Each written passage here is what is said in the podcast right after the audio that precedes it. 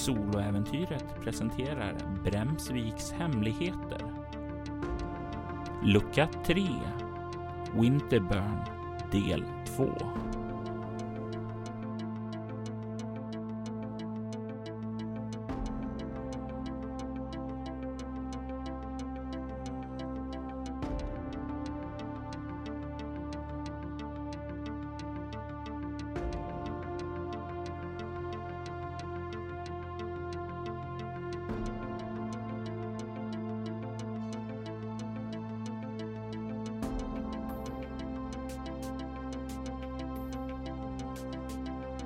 clear and innocent conscience fears nothing.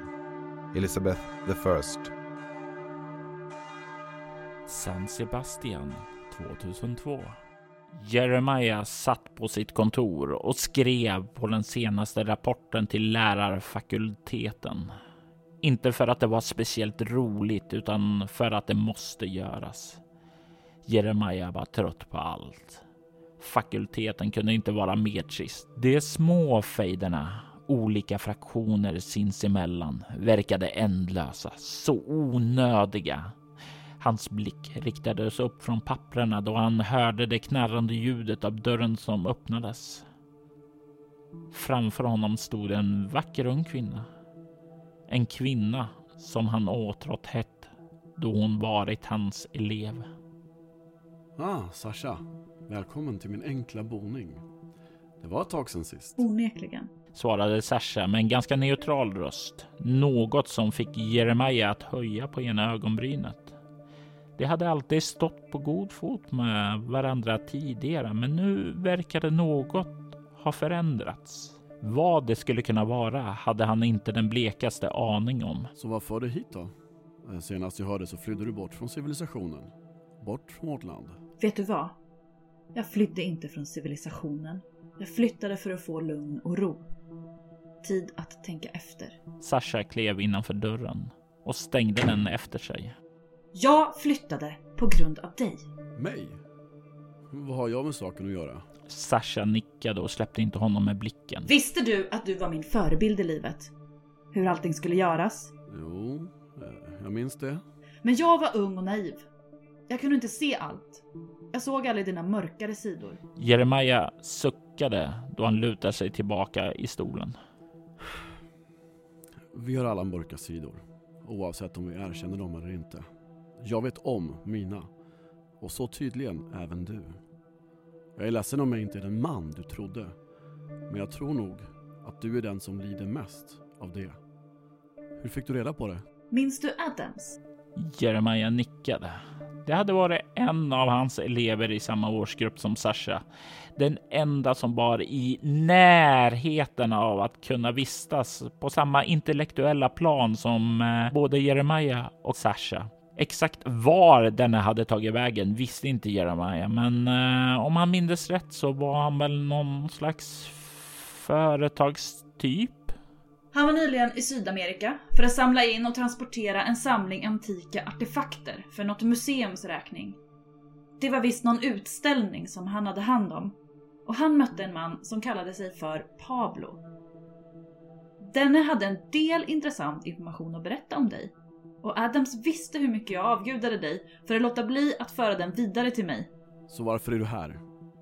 För att eh, förstöra mitt rykte eller bara för att försöka framjaga skuldkänslor i mig? Jag är här för att jag behöver dina tjänster. Du ska göra en expedition om mina vägnar. Men denna gång ska du utföra den fullt ut. Den är inte till för att vinna stora framgångar inom den vetenskapliga världen. Den är till för att förse mig med mer information. Okej, jag lyssnar. Vad gäller det? Har du någonsin hört talas om gudinnan Ritviera? Andrew Winterburn har lämnat tryggheten i staterna bakom sig för att resa till nya marker. Han befinner sig för första gången i Europa. På landsbygden i Marseille, närmare bestämt. Där sitter han med en välfylld mage och bevittnar en märklig artefakt sväva på ett bord framför honom.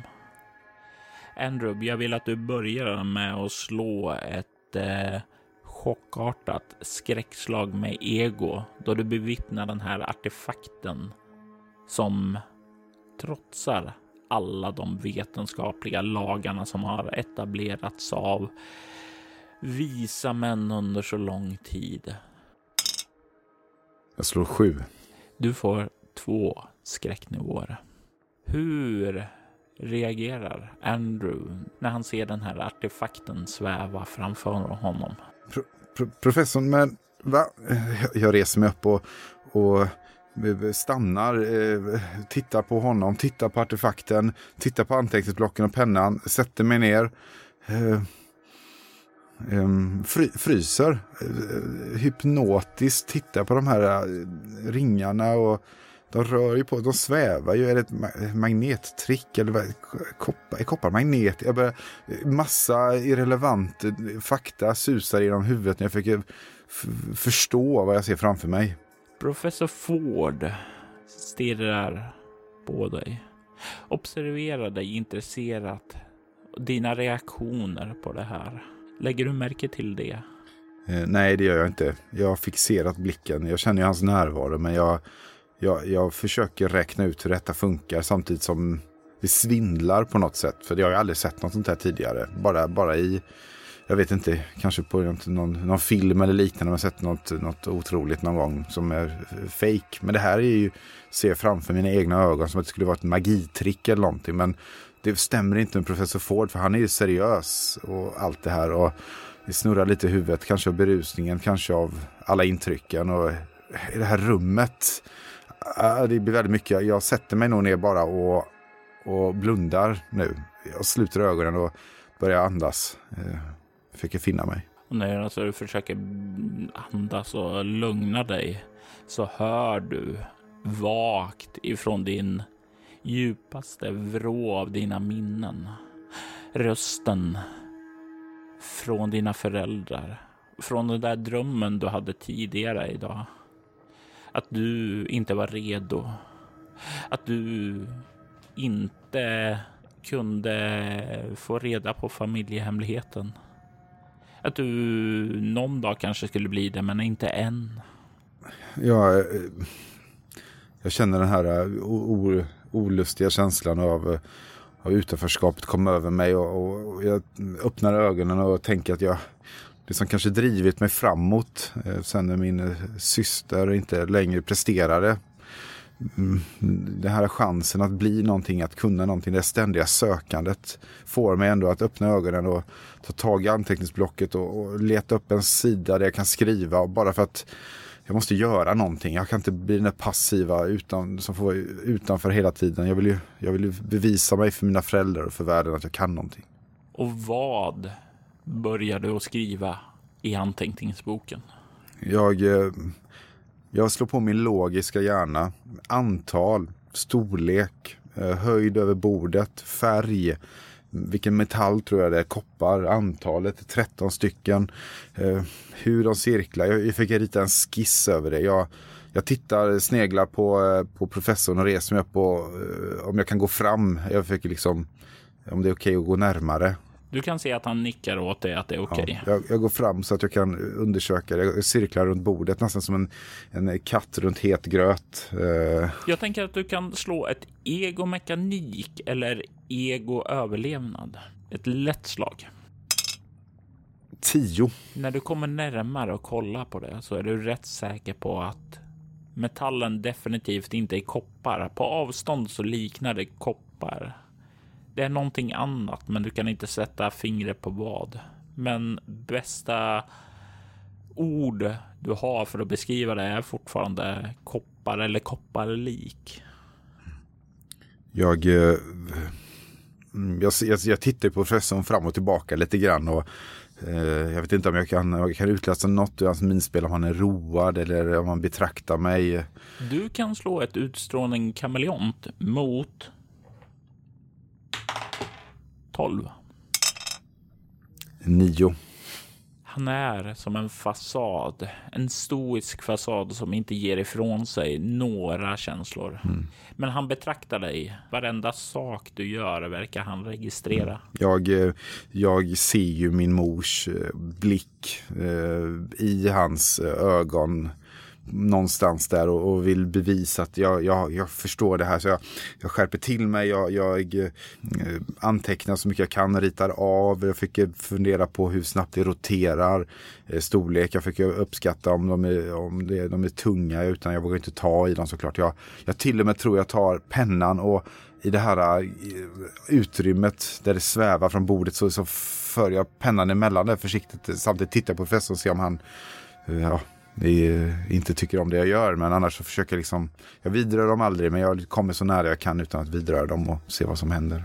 Och eh, när du börjar liksom komma närmare, du inte så nära att du vidrör dem, men någon centimeter ifrån så känner du hur liksom nästan det sticker till i dina fingrar. Som om, tänkte så här lite, den här stöten man kan få av statisk elektricitet ibland. Mm. Jag, jag rycker tillbaka och känner, äh, äh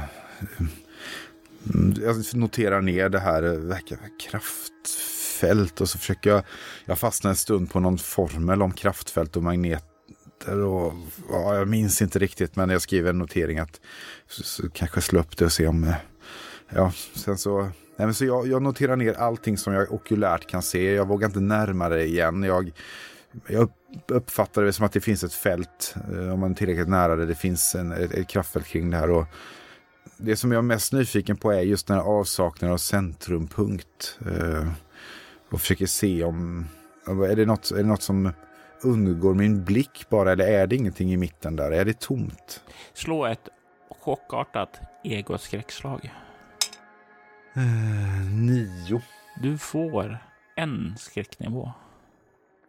När du stirrar dit så kan du höra någonting.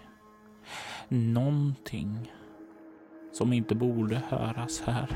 Du kan höra trummor.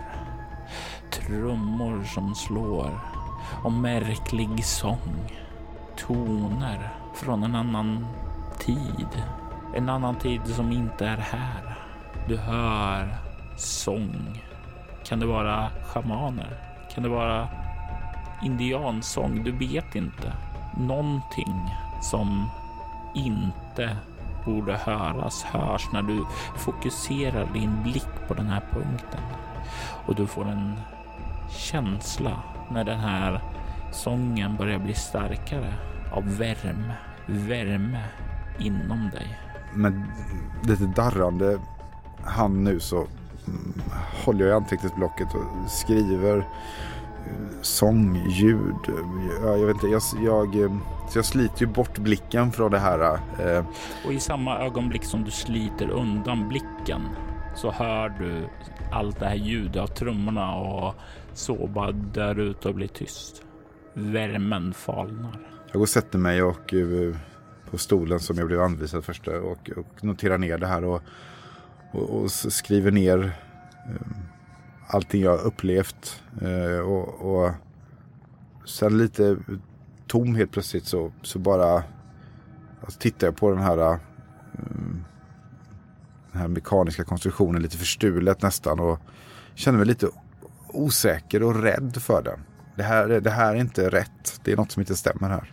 Professor Ford har inte släppt dig med sin blick. Professor, vad, vad är det här för någonting? Är ni färdiga med era observationer? Ja, jag kan säkert studera den mer, men jag vet inte, jag har en sån olustig känsla. Jag, jag hörde, fick massa ljud och förnimmelser när jag stirrade på det. Jag måste bara vila. Jag, när, när du säger att du fick massa förnimmelser och sådant där så lägger du märke till att han, det är någonting i hans blick som verkar tändas där. Någonting som han inte förväntar sig höra. Någonting som har gjort honom väldigt, väldigt nöjd. Ja, ja, jag förstår. Jag förstår absolut. Det kan vara ansträngande att se artefakten för första gången. Om du vill kan du få ta en paus och vila så talar vi mer om det här imorgon. Se bara till att lämna din anteckningsbok här. Eh, Självklart. Kan, kan man få besvära om, om, om något stärkande så jag sover gott. Jag... Åh, Men absolut. Fråga Pott när du kliver ut i receptionen. Han kan ordna något lämpligt. ehm, ta, tack. Och när jag... Jag är tacksamt. Eh, det är som att den här, eh, när jag lägger ifrån mig boken och pennan är som, som en tyngd som släpper från alla tentor jag har varit på, alla, alla, alla plugg, alla, alla saker jag behöver bevisa. Det är som släpper lite grann och det känns lite bättre. Och eh, någonstans inom mig så de här, de här tonerna, de här rytmerna, liksom det, det, jag tror jag finner mig själv att liksom jag går och, och liksom Nynna lite grann på det när jag går ut. För jag var så fängslad av det samtidigt som det skrämmer mig. Eh, och berusningen har inte riktigt släppt den här så jag känner mig, jag är lite Jag är lite förvirrad där alltså. jag så, men ser fram emot att få den här eh, drinken så jag kan, kan gå upp och lägga mig och sova och tänka på vad är det jag har upplevt egentligen. Och men när du kliver ut så står professor Ford kvar i rummet. Han iakttar dig när du kliver ut. Fascinerad över vad du har sett. Utanför så kan du se hur eh, Mr Pott kollar upp ifrån disken. Eh, ler mot dig. Gick det bra? Eh, jo, jo tack, V väldigt fascinerande. Det, skulle man kunna få besvära om en, en bourbon eller någonting? Eh, behövs ingen is. Absolut, absolut. Vill du att jag ska komma upp med det till ditt rum eller vill du vänta? Jag, jag kan vänta här. Eh, ni ska inte behöva. Ja, jag kan vänta här. Du kan se hur han börjar kliva iväg bort mot eh, matsalen för att hämta det åt dig och du blir kvar här i receptionen. Du lägger märke till att det är betydligt mörkare ute nu än det borde vara, som om det har förflutit mer tid än vad du först trodde. Jag känner en... Eh, någonstans i mig så finns det den här eh, ensamheten som jag har känt hela livet. Det här sökandet som driver mig framåt. Och jag fick, jag fick liksom fånga, eller vad ska man säga, få ett grepp om situationen. Och de här trummorna och det här. Det, det finns något som drar i mig för att få reda på mer samtidigt som det skrämmer mig. Och det verkar vara något förbjudet som gömmer sig, gömmer sig här bakom. Och det påminner om den här dörren som, som jag drömde om och vad som fanns i källaren. Och, så jag, jag känner nästan hur, hur, eh, hur väggarna kryper närmre. Hur, hur jag liksom, som jag ofta för, många gånger förut, mm, sluter mig inom mig och blir lite orolig. Eh, och det är väl först när han kommer tillbaka som jag liksom kommer ur det och, och liksom på samma sätt som jag brukar göra skjuter bort de här känslorna för att liksom kunna njuta av, av drinken och, och dimman som den kan ta mig in. Och du får i dig det och det känns bättre. Nerverna börjar lugna sig lite. Och mm, Pott eh, ler mot dig och säger eh, Ja, jag, jag vet inte om ni vill ha mer så är jag här. Ni kan ta med er flaskan upp till ert rum. Oh, oh, tack, jag nästan lite girigt eh, så känner jag det här är min livlina ifall de här drömmarna kommer tillbaka för jag orkar inte. Jag orkar inte mer, jag måste få sova. Så ta tack herr, herr Pott, vi, vi, vi syns imorgon. Um, Det gör vi. Eh, Mr Winterburn. Sov gott. Mm, ja, ett, ett, ett snett leende nickar åt honom och jag känner mig lite orolig för vad, vad, vad som ska hända nu när jag har sovit eh, två gånger under dagen och båda gångerna har jag fått obehagliga drömmar, obehagliga minnen. Du kommer upp i korridoren. Du kan se den ödsliga korridoren ut genom det stora fönstret som leder på balkongen. En eh, måne har klättrat upp och lyser över området. Det ger lite ledljus, men annars så är det här mest eh, upplyst av det brinnande ljus som sitter längs lampetter här i korridoren. Uppenbarligen så har Harry Potter varit och tänt dem under tiden som du undersökte artefakten. Nyfiket så dras mina fötter och mina blickar bort mot den andra änden av korridoren och den här balkongen och månen. Det är, det är väldigt vackert och Samtidigt så har jag den här obehagliga känslan av den här korridoren. Att jag vet att det kan vara något minne från, från när jag var liten om, om ödsliga hus eller vad det kan vara. Men jag tar mig ändå fram till, till fönstret och tittar ut över balkongen och månen. Och du stirrar ut där. Kan ana här inomhus. När du spanar ut genom dörren med de stora fönstren där att du kan se en liten sjö bre ut så där. Måste vara en insjö som den här ligger vid. Du kan se någon enkel brygga och det ligger någon eka där och sen eh, en del små skogsfläckar av miljö där som ger det ett väldigt så här lummigt eh, rustik känsla över trakten.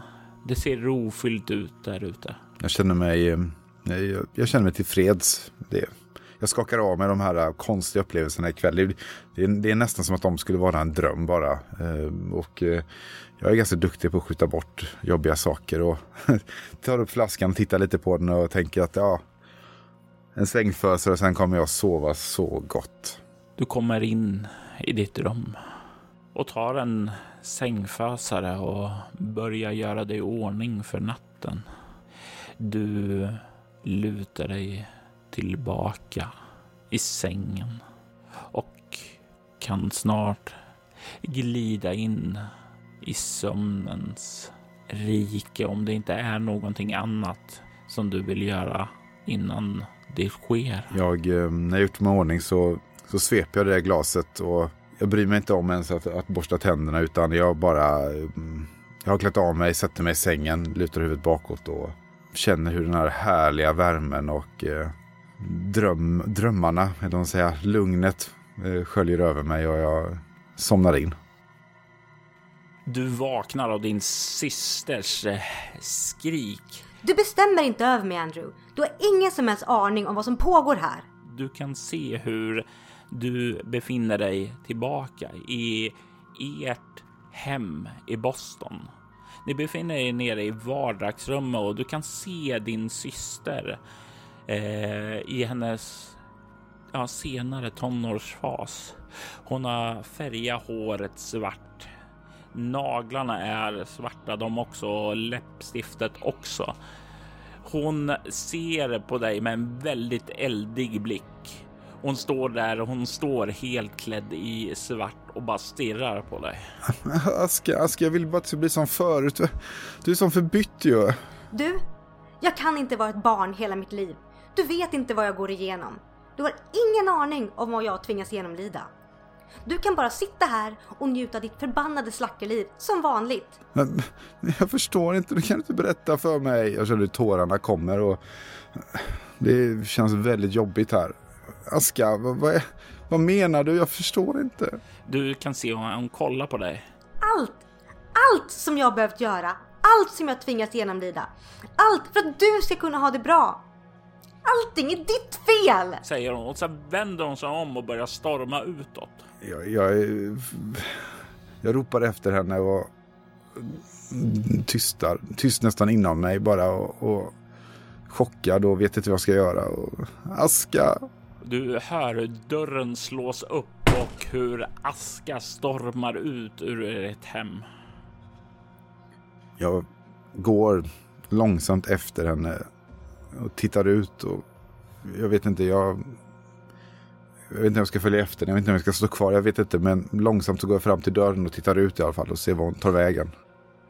Du kan se hon är på väg i ett raskt tempo ned för trappan, ned ut på gatan. Och du kan se hur hon vänder sig om, kollar på dig med en eldig blick och sen så ser du hon höjer sin hand och sen så gör hon en gest från ena sidan till andra. Du ser hur dörren plötsligt slår igen framför din ansikte. Med ett brak. Du stapplar tillbaka av chocken där. Jag blir jätterädd. Jag, jag är som förstenad. Jag, jag vet inte vad jag har sett för någonting. Du kan höra mullret utanför och de första regndropparna som börjar falla och slå mot fönstren. Du är hemma ensam. Det kommer över mig om det här med källan. Var det det hon menade? Vad är det som händer egentligen? Men jag vet inte om jag vågar gå, gå och se efter vad som händer där nere. Vad som finns där. Regnet slår emot fönstren. Och även om du har varit hemma ensam tidigare så är, känns det här annorlunda. För du är verkligen ensam nu. Det känns så. Det känns som om ditt band tillsammans med Aska inte längre är starkt. Det känns som om det har slocknat. Ert band, ert tvillingband, är borta. Slå ett chockartat skräckslag med utstrålning. Tio. Du får inga skräcknivåer, men det känns hemskt. Och det känns ännu hemskare att stå här. Här just nu, för i nästa ögonblick så ser du hur blixten slår ned i en närliggande kvarter och plötsligt så blir allting här i ert hem svart. Jag öppnar dörren och springer ut. Du kommer ut i ösregnet som härjar där utanför. Det blåser. Du kan se hur hela kvarteret är mörklagt och du står där i ösregnet. Vad gör du? Jag ropar efter Aska först. Jag känner mig ensam, jag känner mig övergiven. Men i regnet som faller nu så är du inte säker på ens om din eh, röst går igenom vind och regnrusket längre än några meter och längre än så har hon definitivt hunnit ta sig vid det här laget. Mm. Ja, dyngsur så går jag in. Jag vill bara gömma mig. Jag vill bara bort från det här. Jag, jag, går, upp på, jag går upp på vårt rum. Du, du börjar röra upp då du hör ett ljud. Ljudet av källaredörren som verkar glida upp. Jag får, jag får panik för jag vet ju att den här dörren som har varit, jag har varit så nyfiken på men aldrig vågat fråga om eller aldrig vågat gå till. Och att höra den gå upp gör att jag fryser och det känns som att lite grann om jag vänder mig om så blir det något verklighet som jag inte vill ska bli verklighet. Men jag är så nyfiken så att eh, jag nästan kämpar mot mig själv där eh, för att våga vända mig om. Du kan få slå ett omskakande skräckslag med utstrålning. Om du lyckas med det här slaget så kan du övervinna dina rädslor. Tio. Alltså jag klar, klarar mig där. Rädslan är hemsk, men nyfikenheten är större.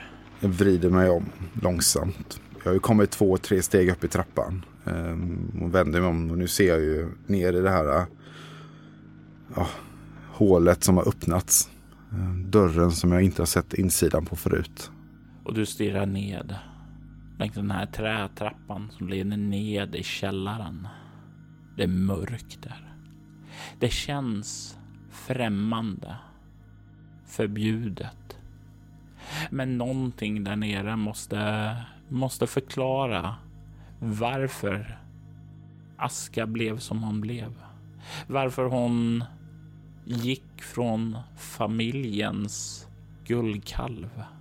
Den som både din mor och far inofficiellt verkade favorisera till den utåtagerade kvinna som skrek på dig idag och som på sistone varit allt annat än en favorit hos föräldrarna. På ostadiga ben, blöt. Mina strumpor som jag sprang ut i. lämnar ju fuktiga spår på, på mattan. Jag kommer in och går över gränsen in på första trappsteget och det här knirrande ljudet som jag har hört eh, när jag har varit i ett annat rum Men nu är det här, nu är det verkligt. De här konstiga lukterna av källare av, och jag vet inte vad. Det är främmande. Obehagligt. Men jag, varje steg jag går neråt känns tyngre och tyngre att ta. Men det är som att en kraft drar mig. Jag måste få veta. Det är bandet som har klippts mellan mig och min syster. Kanske kan jag återskapa det genom att jag bara vet vad det är hon har plågats av. Jag måste ner. Och du kommer ned till det sista steget i trappan. Och i samma ögonblick som du tar steget från trappsteget och sätter ner det på golvet så sker någonting omöjligt. Någonting som inte borde vara möjligt i alla fall. Jag vill att du slår ett ego skräckslag. Omskakande sådan på grund av allt det du hittills upplevt under kvällen har gjort dig lite mer avdomnad för den här intrycken än om det skulle vara det första du hade sett. Eh, har jag fortfarande sex eller sju på ego från berusningen? Eh, du har fortfarande sex. Yes. Eh, elva blir då. Du ser hur ljus tänds. Och med ljus så menar jag verkligen ljus, inte lampor utan vaxljus som flammar upp. Du kan se, du kan se att det finns hyllor här med flera märkliga glasflaskor fyllda med saker som du inte riktigt känner igen eller kan förklara. Du kan se fler saker, böcker, gamla böcker, handskrivna sådana, inte tryckta, eh, som verkar stå på hyllorna också. Du kan se några skelettkranium från djur också. På golvet så finns det en stor symbol målad. Du tycker dig se att det är en sol. En ornamenterad sol som verkar ha nästan som här lågor som skiner ut eh, utifrån den. Och i mitten så finns det ett öga. Du kan förslå ett lätt slag med ego humaniora. 14. Du kanske inte kan dra dig, dra en slutsats till vilken exakt kultur som har gjort det här. Men det är definitivt en sydamerikansk sådan. Kanske azteker, kanske inka-indianer. Kanske någonting som du inte känner till. Men det är definitivt från Sydamerika den här symbolen verkar ha sitt ursprung. Och du kan känna ifrån den en värme. Jag går, jag går mot det här solen. Jag, jag blir extremt nyfiken. Det, det känns inte så obehagligt här nere. Det känns bara konstigt. Eh, det känns inte farligt. Konstiga grejer. Och, så jag närmar mig det här, det här ögat och jag nästan följer blicken upp i taket av det. Och jag vill undersöka, jag vill se vad är det här för någonting. Jag vill att du slår ett lätt slag med ego plus okultism. 12. Det, det är märkligt. När du stirrar runt här så känns det som om ja, av allt att döma här att det, det är som om det här platsen är en ritualkammare. Du hade en tid i ditt liv då du var väldigt fascinerad för ja, gamla häxprocesserna i Salem och därmed började läsa lite in på andra typer av häxtraditioner och sådant där. Och i dessa skrifter och sådant som du då läste om så snappade du upp att det fanns de som såg till att helga en särskild plats och att eh, göra den till sin egen för att lättare kunna bruka sina häxgåvor. Men varför skulle din familj ha en sådan i källaren? När jag inser de här äh, märkligheterna så går det en, trots allt en kall kåre genom ryggen. För det, det här verkar ju på riktigt. Det är liksom inte... Det känns alldeles för autentiskt alla delarna här. Det, och det känns samtidigt väldigt konstigt. Men det min syster säger att hon har fått utstå saker och hennes förändring och alltihopa. Det är, att det, det är som att jag vet om att det pågått någonting förbjudet som jag inte vågar tänka på. Jag vet inte vad bara. Det så jag blir, jag blir ganska rädd och samtidigt så vill jag ju på något sätt försöka lösa det här. Jag vill ju... Jag är inte det lilla barnet längre. Jag måste kunna hjälpa min syster. Jag måste kunna göra någonting. Va? Va?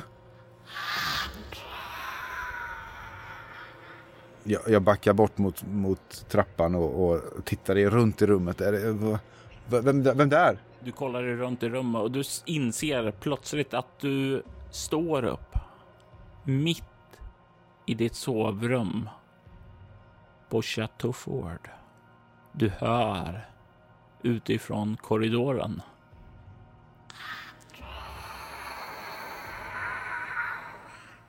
Ja, vem, vem där? Hallå? Tusen tankar susar genom huvudet. Det jag är ju i rummet. Jag är här. Är det, oj, Miss Potts, är det, är, det, är det något som... Jag går fram till dörren. Jag tänker att det måste ha hänt någonting. Det måste, är någon skadad. Han viskar så konstigt. Eh, berusning sitter nog i fortfarande. Men jag, så jag, jag går fram och öppnar dörren. Slå ett utstrålning obemärkt lättslagen när du öppnar dörren. Ja, åtta. Eh, du öppnar dörren. Du hör rösten komma bort ifrån trappen.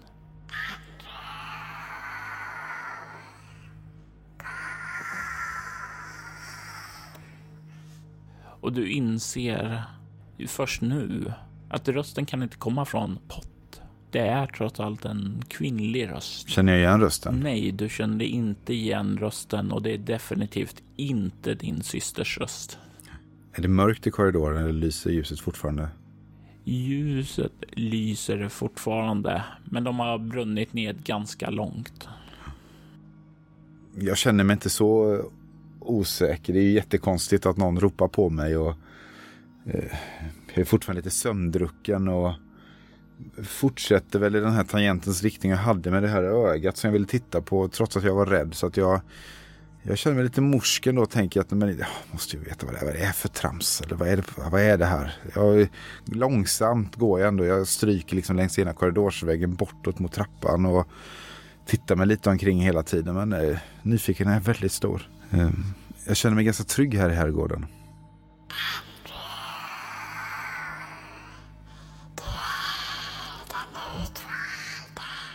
Ofrivilligt fnittrar jag till lite grann. Eh, eh, jag vet inte, det, det är märkligt det här. Jag, eh, va? Säger jag fåraktigt lite högt och, och går lite fortare. Va, vad sa du? Och när du börjar röra dig nedåt för trappen tycker du dig avlägset höra de här trummorna igen det som tidigare har varit någon typ av rädsla för de där ljuden som, som jag, jag har liksom vant mig på något sätt. Och den här värmen var ju inte så obehaglig ändå. Och nyfikenheten tar över hand. Jag är ju inne i det här nu. Det här är min grej nu. Jag, är ju, jag ska ju forska på det här. Jag ska ju ställa upp på massa saker. Här och, jag måste ta reda på vad detta är. Så nästan, jag nästan blir lite, lite kaxig här. Äh, det är ingen fara det här. Så jag, jag stolpar på liksom. Det här, jag bryr mig inte så mycket om logiken utan nu är, jag, nu är jag nyfiken på vad är det här för någonting. Nu vill jag veta. Du börjar röra dig nedåt. Du kommer, du rör dig nedåt och kommer ut i receptionen. Du kan se att ljuset här är släckt. Det är mörkt, men i mörkret så kan du ana ett ljus bortifrån balsalen som ger dig lite ledljus att röra dig vidare ditåt mot ifrån. Och du hör igen.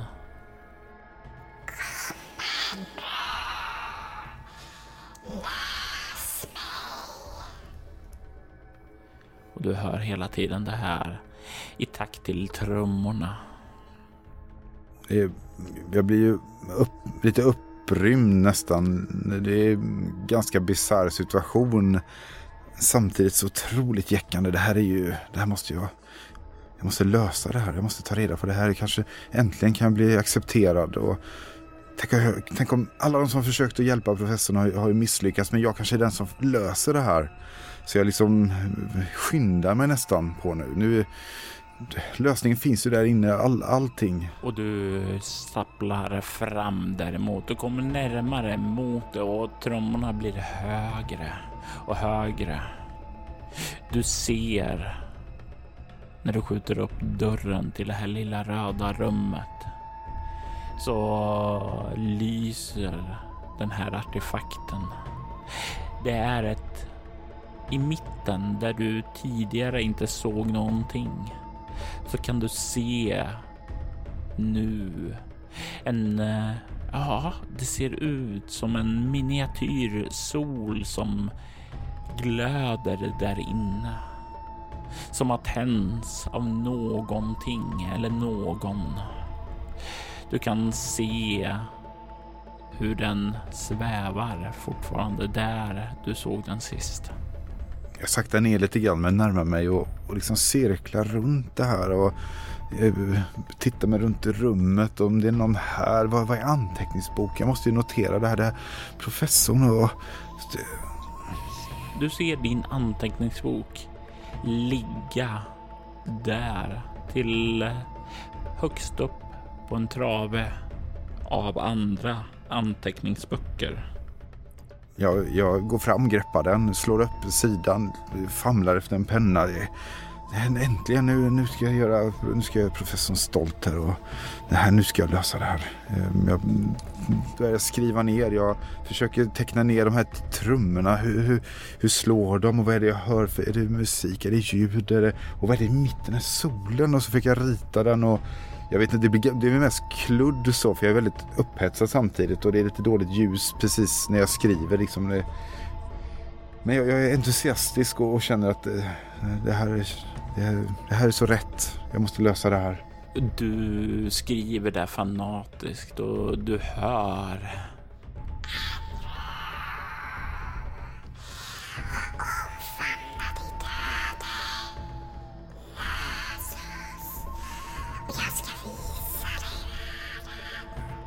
Uh, va?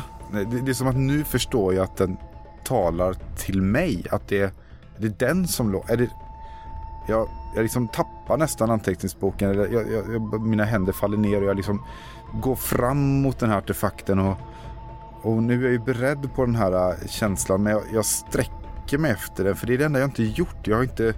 Jag har observerat, jag har lyssnat, jag har sett men jag har inte, jag har inte vidrört det här eh, ljuset, den här den här lösningen på, på alla problem. Kanske min syster och vårt band. Allting kommer ju bli bra om jag bara vågar. Långsamt, långsamt för jag händerna mot tills jag känner den här stickande statiska känslan. Och då kanske jag saktar in och blir lite osäker. Men jag känner ändå den här värmen. Den känns så rätt, så naturlig. Precis som den gjorde den där gången då du vågade dig ned i källaren för första gången. Det var naturligt.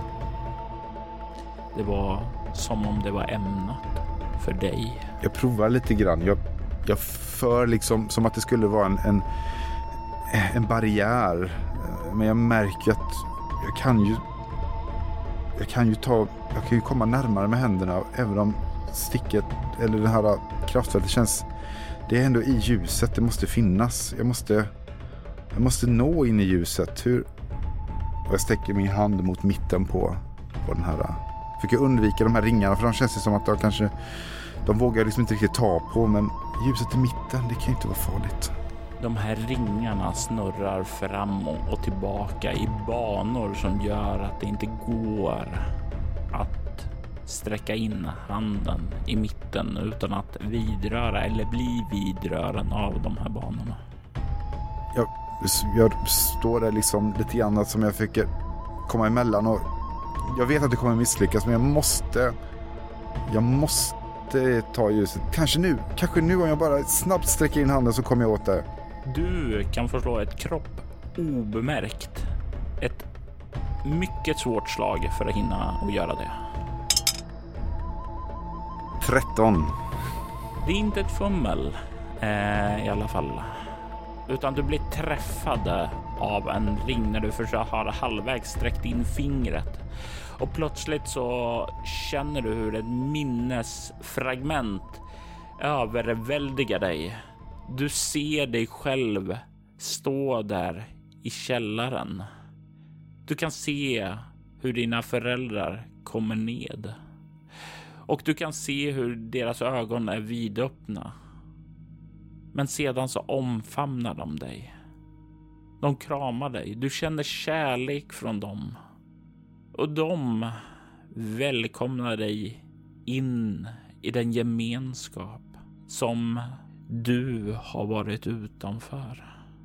Den som de en gång i tiden förvägrade dig för att de inte trodde du var redo.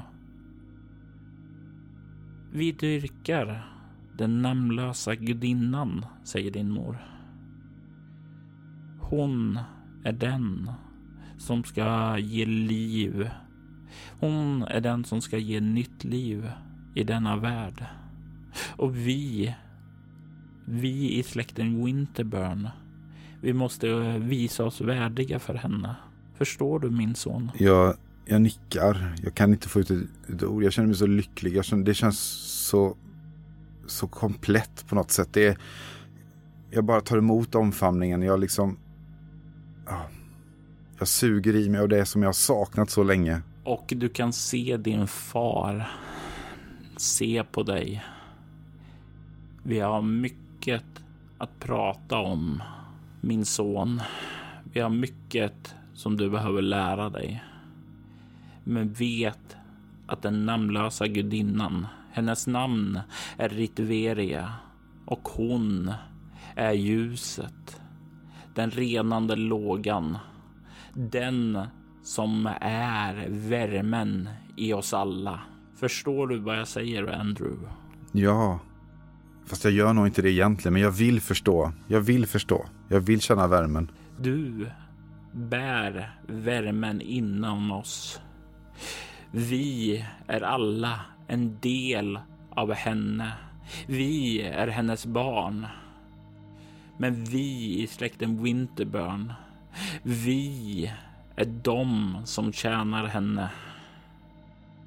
Han kliver fram och lägger handen på din axel och säger och nu är du en av oss och han kramar om dig. Och jag kramar tillbaka innerligt. Och därefter så bleknar minnet bort du står med handen halvt insträckt där. Du har handen på en av ringarna och du märker hur du nästan hör en ja, ren melodi i ditt huvud. En av de här kulorna på ringarna har fastnat mot din finger och du börjar förstå att den här artefakten verkar vara något pussel. Ett pussel som bara kan öppnas av dem som är värdiga. Att de här cirklarna som snurrar, de cirklar som har kulor på sig, måste med rätt timing föras över från sin yttre bana till den inre, in mot den brinnande miniatyrsolen. Först då kommer pusslet att öppnas. Men det är ett pussel som både kräver timing och en eh, skarpt intellekt för att liksom förutse hur banorna på de här cirklarna kommer att snurra. Jag känner som att jag vill ha det här för mig själv. Det här är ju mitt. Men samtidigt vet jag om att professorn kanske är nyckeln till att hjälpa mig att förstå det här. Om jag nu kan manövrera och han kan guida så kanske vi kan lösa det tillsammans. Men vill jag verkligen släppa in honom? Jag gör ett famlande försök att försöka ge en lösning, lite desperat nästan, så, så får jag in den andra handen och försöker vidröra dem på det sätt jag tror ska lösa någon, gör någon lösning. Och jag vill att du då slår ett ego okultism. Och jag vill även att du noterar en annan sak till. Att du, när du upplevde det här minnet, när du blev omfamnad av din familj, även låser upp en del av de minnen som du hade glömt. Och kan notera på ditt karaktärsblad att du har plus tre i okultism.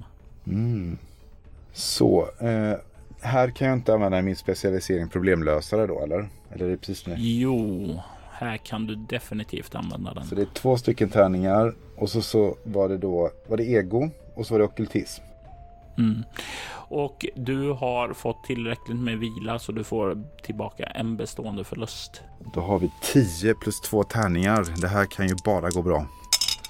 Det blir 20. När du börjar föra fingrarna och sådant mot kulorna för att tajma banorna som för att tajma cirklarnas eh, snurrande mönster och föra över dem så är det som om du Ja, det känns så naturligt. Det är som om du zoomar bort allting omkring dig. Allting som finns där, det betyder ingenting. Du känner bara värmen från artefaktens inre del. Du känner hur den lyser omkring dig. Du känner hur det här måste vara ditt öde, ditt syfte, för det känns så naturligt. Cirkel efter cirkel lös. Du förlorar tidsuppfattningen hur lång tid det går. Du är så inne i den här problemlösningen. Du ser till slut att du har den sista kulan på den innersta cirkeln redo att föras in emot miniatyrkjolen och lösa pusslet. Vad för tankar genomsyrar Andrews sinne i just det tillfället? Jag har kommit så här långt och kämpat så här länge och jag har känt den här stigande bekräftelsen på att äntligen, nu, nu kommer allt lösa sig. Nu, nu, det är nu det gäller. Jag tar ett djupt andetag och känner att det här kan jag. Nu kommer allting bli bra. Och sen utför jag den sista rörelsen. Och i samma ögonblick som du gör det så känner du hur den här miniatyrsolen flammar upp. Du känner hur värmen slår upp inom dig. Du känner hur hela rummet dränks i ett starkt ljussken. Du känner som om du som en helig låga tänds inom dig själv. Du känner dig tillfreds och sedan slocknar ljuset. Du hör ljuden omkring dig. Främmande läten av djur, insekter. Du öppnar ögonen och inser att du inte längre befinner dig i Chateau Ford. I, utan istället så står du i en regnskog och framför dig så ser du en storslagen trappstegspyramid resa sig framför dig.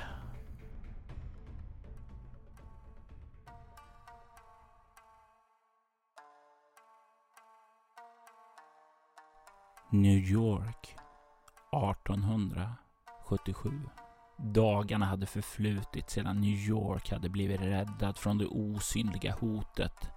Men med segern hade inte enbart kommit godhet. Demonerna hade återvänt och åter lade det sig en mörk slöja över staden.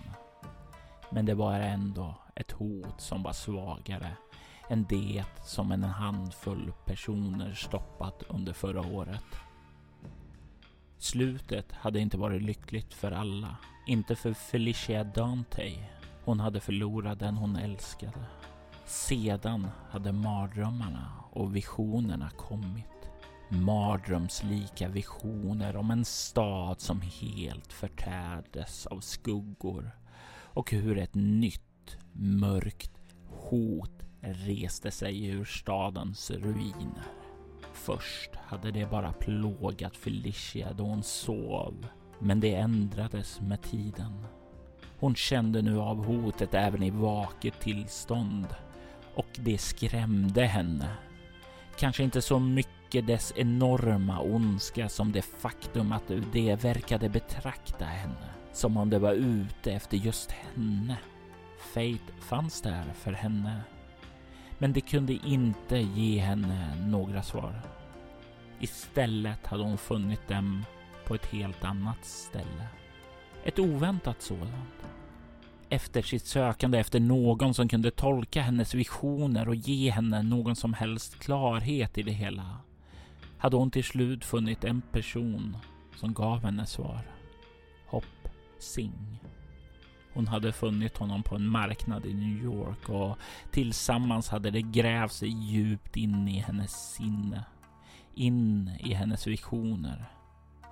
De hade lämnat New York bakom sig och rest tillsammans under flera månader nu.